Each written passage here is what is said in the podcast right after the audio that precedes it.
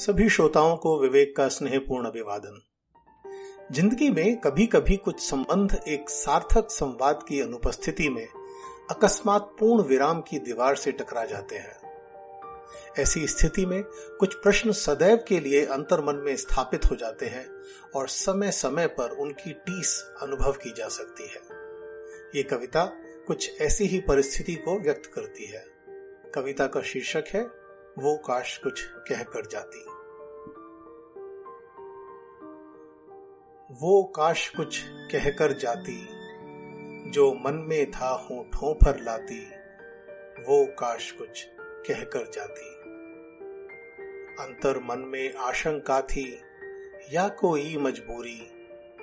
आखिर क्या हुआ उन दिनों, जो बढ़ गई इतनी दूरी? जो भी था, जैसा भी था, मुझको तो बतलाती, वो काश कुछ कहकर जाती। कहने को तो कई दिनों की थी अपनी पहचान। फिर भी एक दूजे से हम थे, काफ़ी कुछ अनजान। थोड़ा और साथ चलते तो समझ और हो आती, वो काश कुछ कह कर जाती।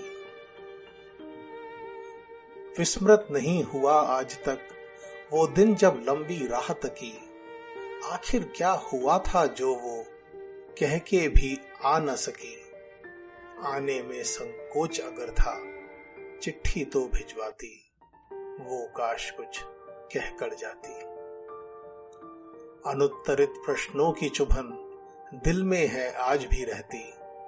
अक्सर सोचा करता हूँ मैं, उस दिन वो क्या कहती। जरा देर की बात थी आखिर, एक बार मिल जाती। वो काश कुछ कह कर जाती, वो काश कुछ कहकर जाती। यदि आपको यह कविता अच्छी लगी और आप मेरी अन्य कविताओं को सुनना चाहते हैं तो आप मेरे पॉडकास्ट को अपने मनपसंद ऐप पर सब्सक्राइब कर सकते हैं। नीचे दिए लिंक से आप मुझे वॉइस मैसेज भी भेज सकते हैं।